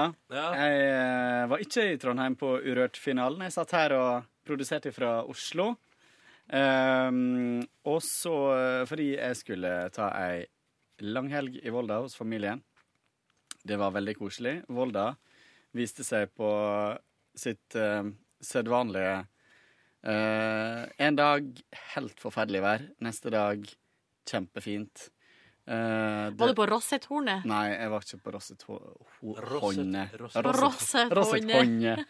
Eh, jeg var ikke det. Jeg bor rett ved foten av Rosset-Håndet. Rosset-Håndet. Eh, og jeg har vært her mange ganger. Men det er ikke det fineste fjellet å gå på tur eh, i. Det er så utrolig bratt. Og i alle Ja, fall det er litt sånn som- ja. Du har hørt historier om uh, utvekslingsstudenten som uh, omkom? Fordi det var så bratt? Eh, Ja, men det var bak Nei, det var på framsida ah, ja, der, den vanlige veien. Fordi da var det to utvekslingsstudenter som gikk på tur. Ikke så vant til å være i norske eh, forhold og fjell. Og så, eh, når de kom ned, så var det blitt tåke, og så på veien ned så de rota seg bort. eh, og ramla nedover fjellet. Og da hadde hun ene rett og slett gått tilbake til Volda på knekt fot. Altså, så hun har våkna opp hjemme hos seg sjøl på hybelen, eh, og da var liksom blod overalt og liksom Jo, det er en skikkelig ekkel historie, men eh, det her var liksom vandre... Altså, det her var liksom vandre... Da vi kom til Volda, var det første vi fikk høre. Hvis dere skal opp der, vær forsiktig. Fordi at eh, Så da har hun i sjokk bare gått eh, tilbake til Volda og lagt seg i senga si. Det var, døde Nei, det var hun andre. Oh, ja. Ja. Tenk om det bare var et reklamestunt for godt fottøy. Nei, det var ikke det. Men jeg har faktisk vært med på en sånn uh, tur uh, feil vei ned. Det var en kompis av meg, jeg tror vi gikk i sjette klasse, liksom. Mm. Men vi var en gjeng som skulle gå på Rosset Honje, og så uh, Så er det flere ganger, er du snill. Ja. Når det passer, så skal jeg si det igjen. Um, så, var det en, eh, så var det en kompis av meg som bare Ja, men jeg veit om en ny vei ned fra Rosset Honje. Uh, og, og det visste han ikke. Nei. Så vi gikk nedover berga der, og vi falt, og vi Det var Ja, for det er jævlig bratt. Ja, det er skikkelig, skikkelig bratt. Men eh, Nei, jeg var ikke på fjelltur. Men jeg var eh, på eh, på ganske mye gåturer ellers rundt omkring i bygda. Var du på Rocken? Ja, jeg var faktisk på Rocken to ganger i løpet av en time. To ganger i løpet av én Mm, time? Med forskjellige folk. Og drakk kaffe, da, eller? Eh, ja, brus. Var det sånn du skifta kostyme og sånn? Nei, men det var litt vittig, for jeg var først og henta den ene niesa mi på skolen, eller på SFO, når hun var ferdig. Og så eh, for jeg, synes det jeg har to som jeg er onkel til, og så syns jeg det er gøy å være litt aleine sammen med hver av dem, og ikke alltid ha begge to. Mm. Så jeg tok med meg hun eh, minste først, og dro på kafé. Dro først og kjøpte litt leker på lekebutikken, og gikk på kafé. deg, du, da. Så kjørte hun hjem igjen til mamma og pappa. Ja. Og så dro jeg på og henta den andre etter at hun var ferdig å spille tverrfløyte på musikkskolen i Volda. Og så kjørte vi eh, ned og gikk på lekebutikken igjen. Kjøpte nesten det samme til henne. Så hun dama i kassa syntes sikkert det var litt rart at jeg kom stadig inne med nye unger. Ja. og så gikk vi igjen på rocken, og det er alt i løpet av kanskje en og en halv time. Ja, det er jo helt utrolig. Det er helt utrolig. Eh, så vi eh, Det er jo vi, da. Og så ellers så var jeg en tur ute i lag med svogeren min og drakk litt øl. Møtte noen eh, eh, folk som er lærere på høgskolen, eh, på engelsklinja. Hvor var dere? På treet? På treet, ja. Som skal legges ned. Ja, jeg hørt rykter om det. Rives. Um, altså et tre, eller et Det utsett? grønne treet, det er en sånn legendarisk uh, pub. Okay. ja. Eh, ikke så veldig hyggelig, syns Er det bare Rocha som går rundt, da, eller? Ja. Nei, det går rundt. Det er at de skal bygge leiligheter der, da.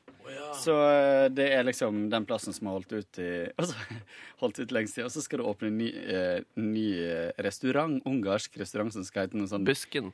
Nei, som skal hete noe sånn eh, eh, Ja, veldig vanskelig ord for salt og pepper på eh, ungarsk.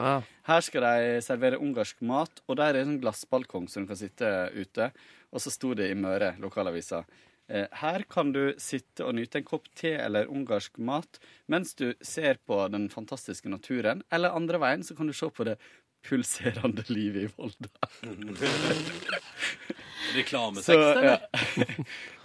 Det er jo helt Veldig, veldig nydelig. Ja, um, og det um, det var i grunnen uh, Ja, så var jeg med familie, og um, uh, det var veldig avslappende og deilig. Spiste masse god mat. Spiste ball i går. Jeg så ballen. Eller, eller bai, som det heter. Jeg så Eh, det på internett. på internett i går, ja.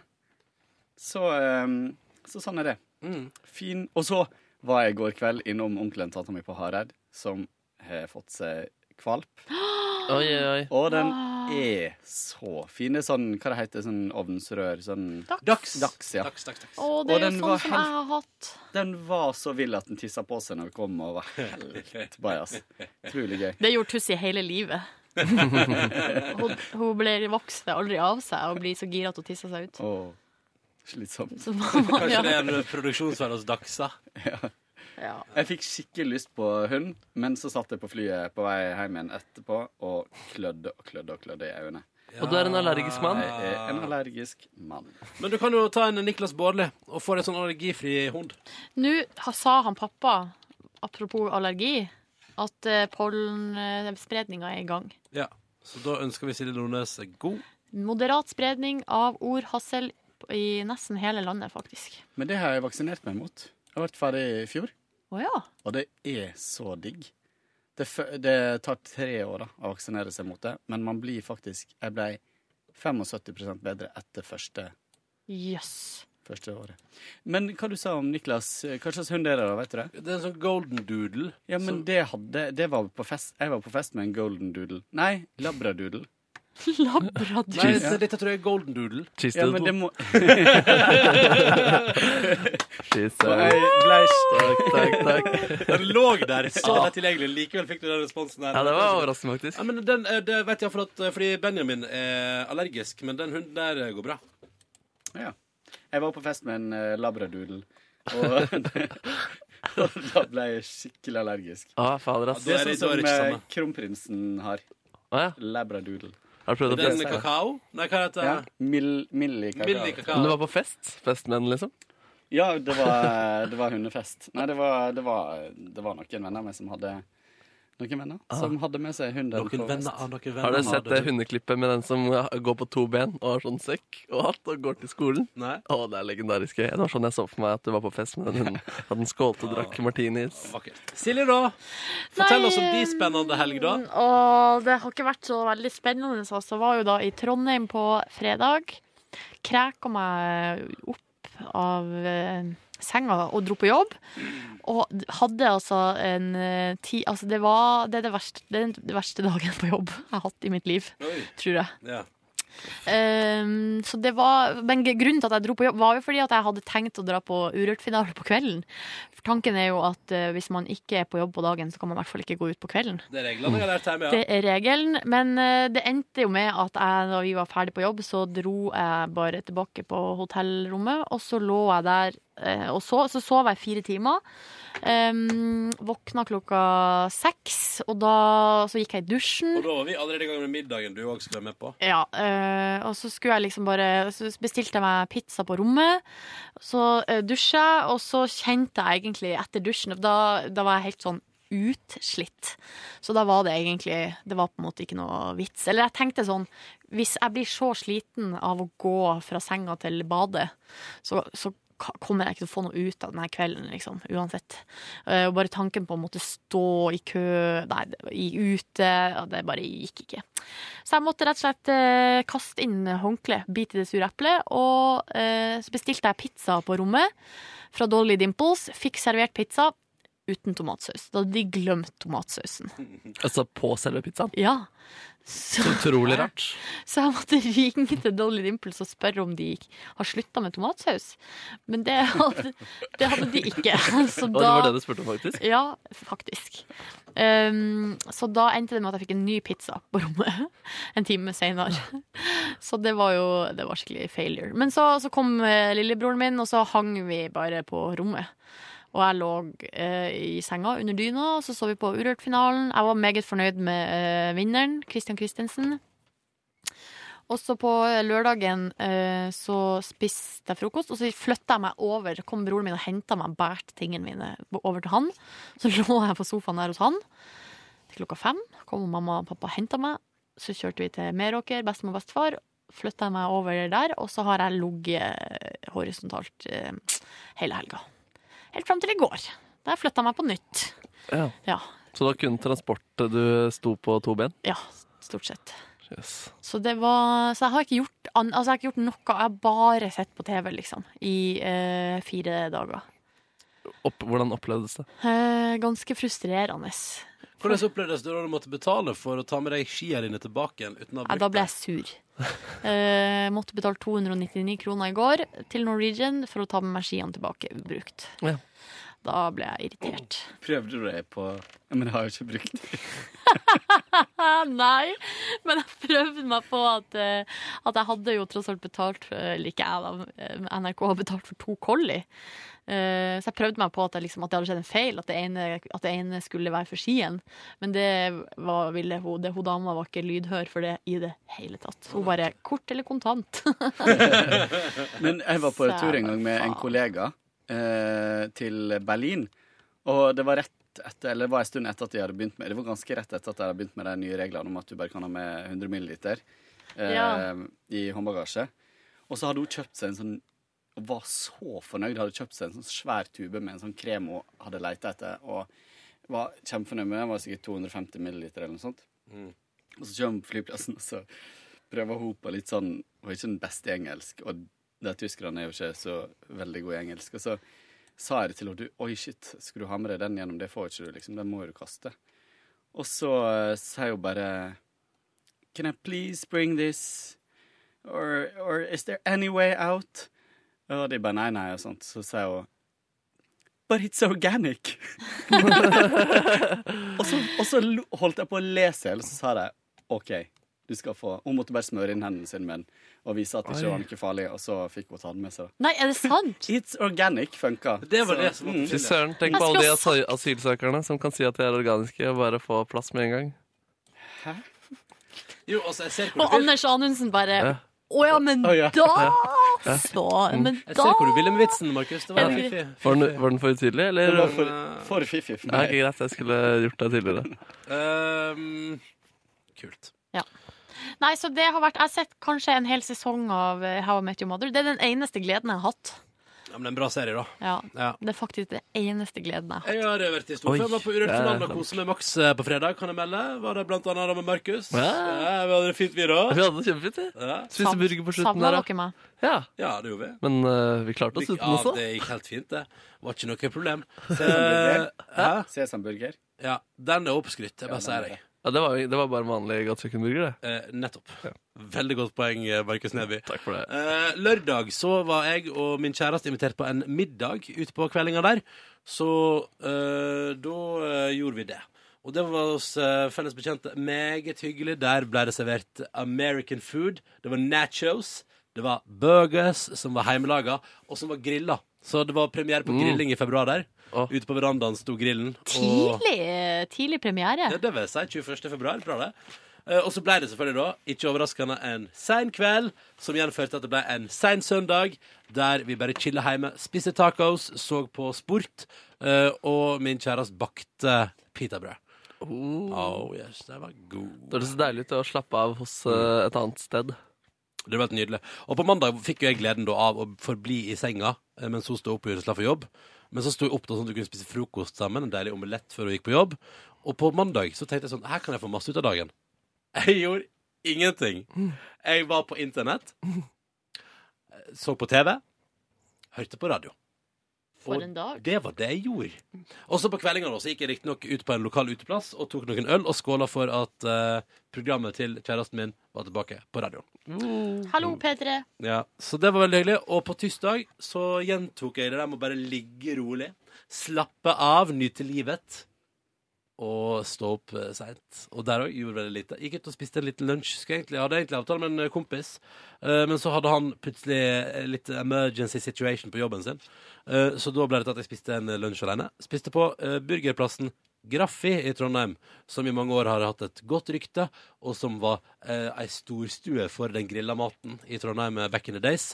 Har nå fått flere filialer, og jeg kan melde det var skikkelig, skikkelig dritt. Oh. Den biffsandwichen der, den kunne jeg bare, den kunne jeg bare spydd opp igjen, og de kunne like godt bare servert det. Oi.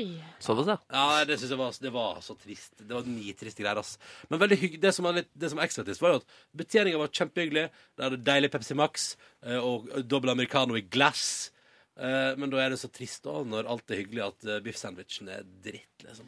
Men hvor vanskelig kan det være? Jeg skjønner Ja. liksom ikke. Enig.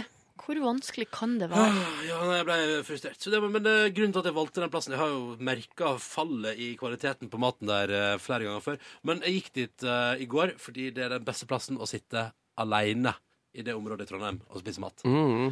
Um, men neste gang skal jeg heller presse meg inn på en litt hippere plass og spise der. Hadde du en eh, trist følelse da du dro i går? Ja, det hadde jeg. Eh, det var vemodig å forlate Trondheim, men så møtte jeg jo Nordnesen på flyplassen, og det var jo hyggelig. Ja. Ja, ja, ja, ja. Når var dere der, da? Seks? Sju? Vi tok fly klokka sju i går. Jepp. Ja. Og så prata jeg om eh, at jeg skulle ta med noe takeaway-mat hjem når jeg kom til Oslo. Og så gadd jeg ikke. Og så spiste jeg frossen pizza i stedet. Men da hadde du pizza liggende hjemme? Nei, nei, jeg var innom Kiwi. Kiwi. Kiwi. Kiwi. Jeg kom hjem og oppdaga at jeg glemte et brød i brødboksen som uh, sikkert kunne røyst seg opp og gått ut av seg sjøl. Oh, ja, ja, jeg kan godt skrive under på det. Jeg hadde glemt å ta ut søpla før jeg gikk til Trondheim. Tenk om brødet hadde stukket av. da. Det hadde vært kjempeskift. Brød på Muggent brød på rømmen! Ja, men det hadde egentlig vært helt greit hvis det brødet bare tok seg, tok, tok seg ut for egen maskin. Så hadde, det hadde ikke blitt det pannekakeeventyret der flere mennesker hadde løpt etter den Nei. pannekaken eller brødet. Jeg har bare lukket opp døra og sagt ha det. Ha det. Sayonara. Det var det, det var det første jeg gjorde da jeg kom hjem. å gå ut med søpla, for å si det sånn. Tenk om brødet hadde blitt millionær, da. Og så hadde du angra på at du ikke aldri ga den sjansen. Det er sant. Det har du rett i, Markus. Farfetched uh, greien, Markus. Jeg vet ikke hva som skjer med meg i dag, men uh... Du er, har tatt på deg morobuksa. det har jeg i hvert fall gjort. Ja. Tilbake på radio. Oh, tilbake på radio. Full av eh, overskudd. Yes. Skal se det i det dokumentet jeg driver og sitter på nå. Altså. Ja, ja, ja, ja. Tviler ikke et sekund. Vi, altså eh, Vi har ikke fått musikken for i morgen ennå. Hva? Mm. Kåre sitter og ser på bildene fra, fra den der nakenserien til TV Norge. Koser seg. Nei, men det er bare så vittig, for det er sånn svært bilde av Du ser langt borte står de nakne på ei strand, og så i forgrunnen av bildet så er det et tre, og litt opp på stammen på treet så henger det en boksershorts. Ja, som om fotografen har lagt ut for å liksom fortelle en historie. Kanskje fotografen også måtte kle av seg? Spørs om alle må være nakne i det miljøet der. Skal de sledde det, skal tro? Det lurer jeg òg på. Hvis ikke blir det mye penis og eh, pupper i eh, fokus på fjernsyn, altså. Kan jeg spørre om en eh, gjest til Where Have You Been-spalten, om det er for, uh, for Farfetch? Ja, gå. Organic. Han som hadde teamsangen til Big Brother i 2001. Å, herregud. Du husker den låta? Lå tre uker på førsteplass på VG-lista.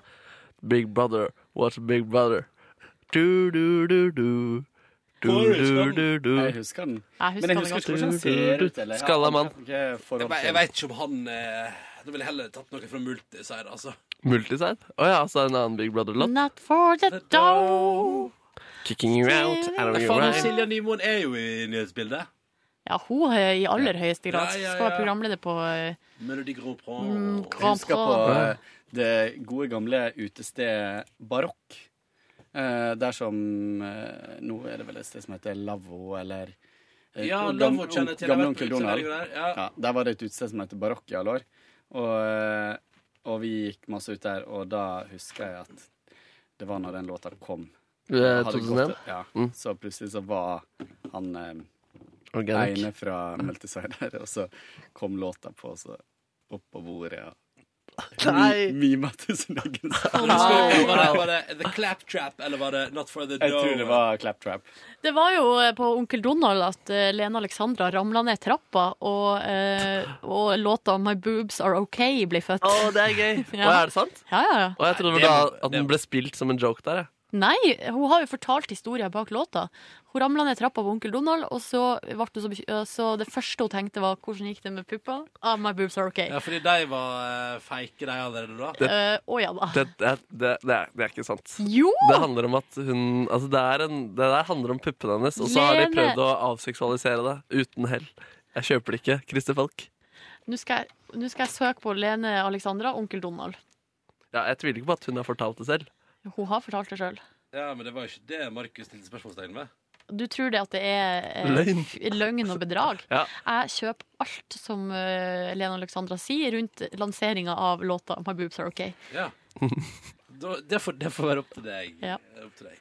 Jeg lurer på om Vi skal si Vi har jo fått mye spørsmål, og sånn Vi henger litt etter der, men vi skal ta det igjen. Og jeg lurer på om vi skal ta det igjen allerede i morgen. La oss gjøre det. Skal vi si det sånn, eller?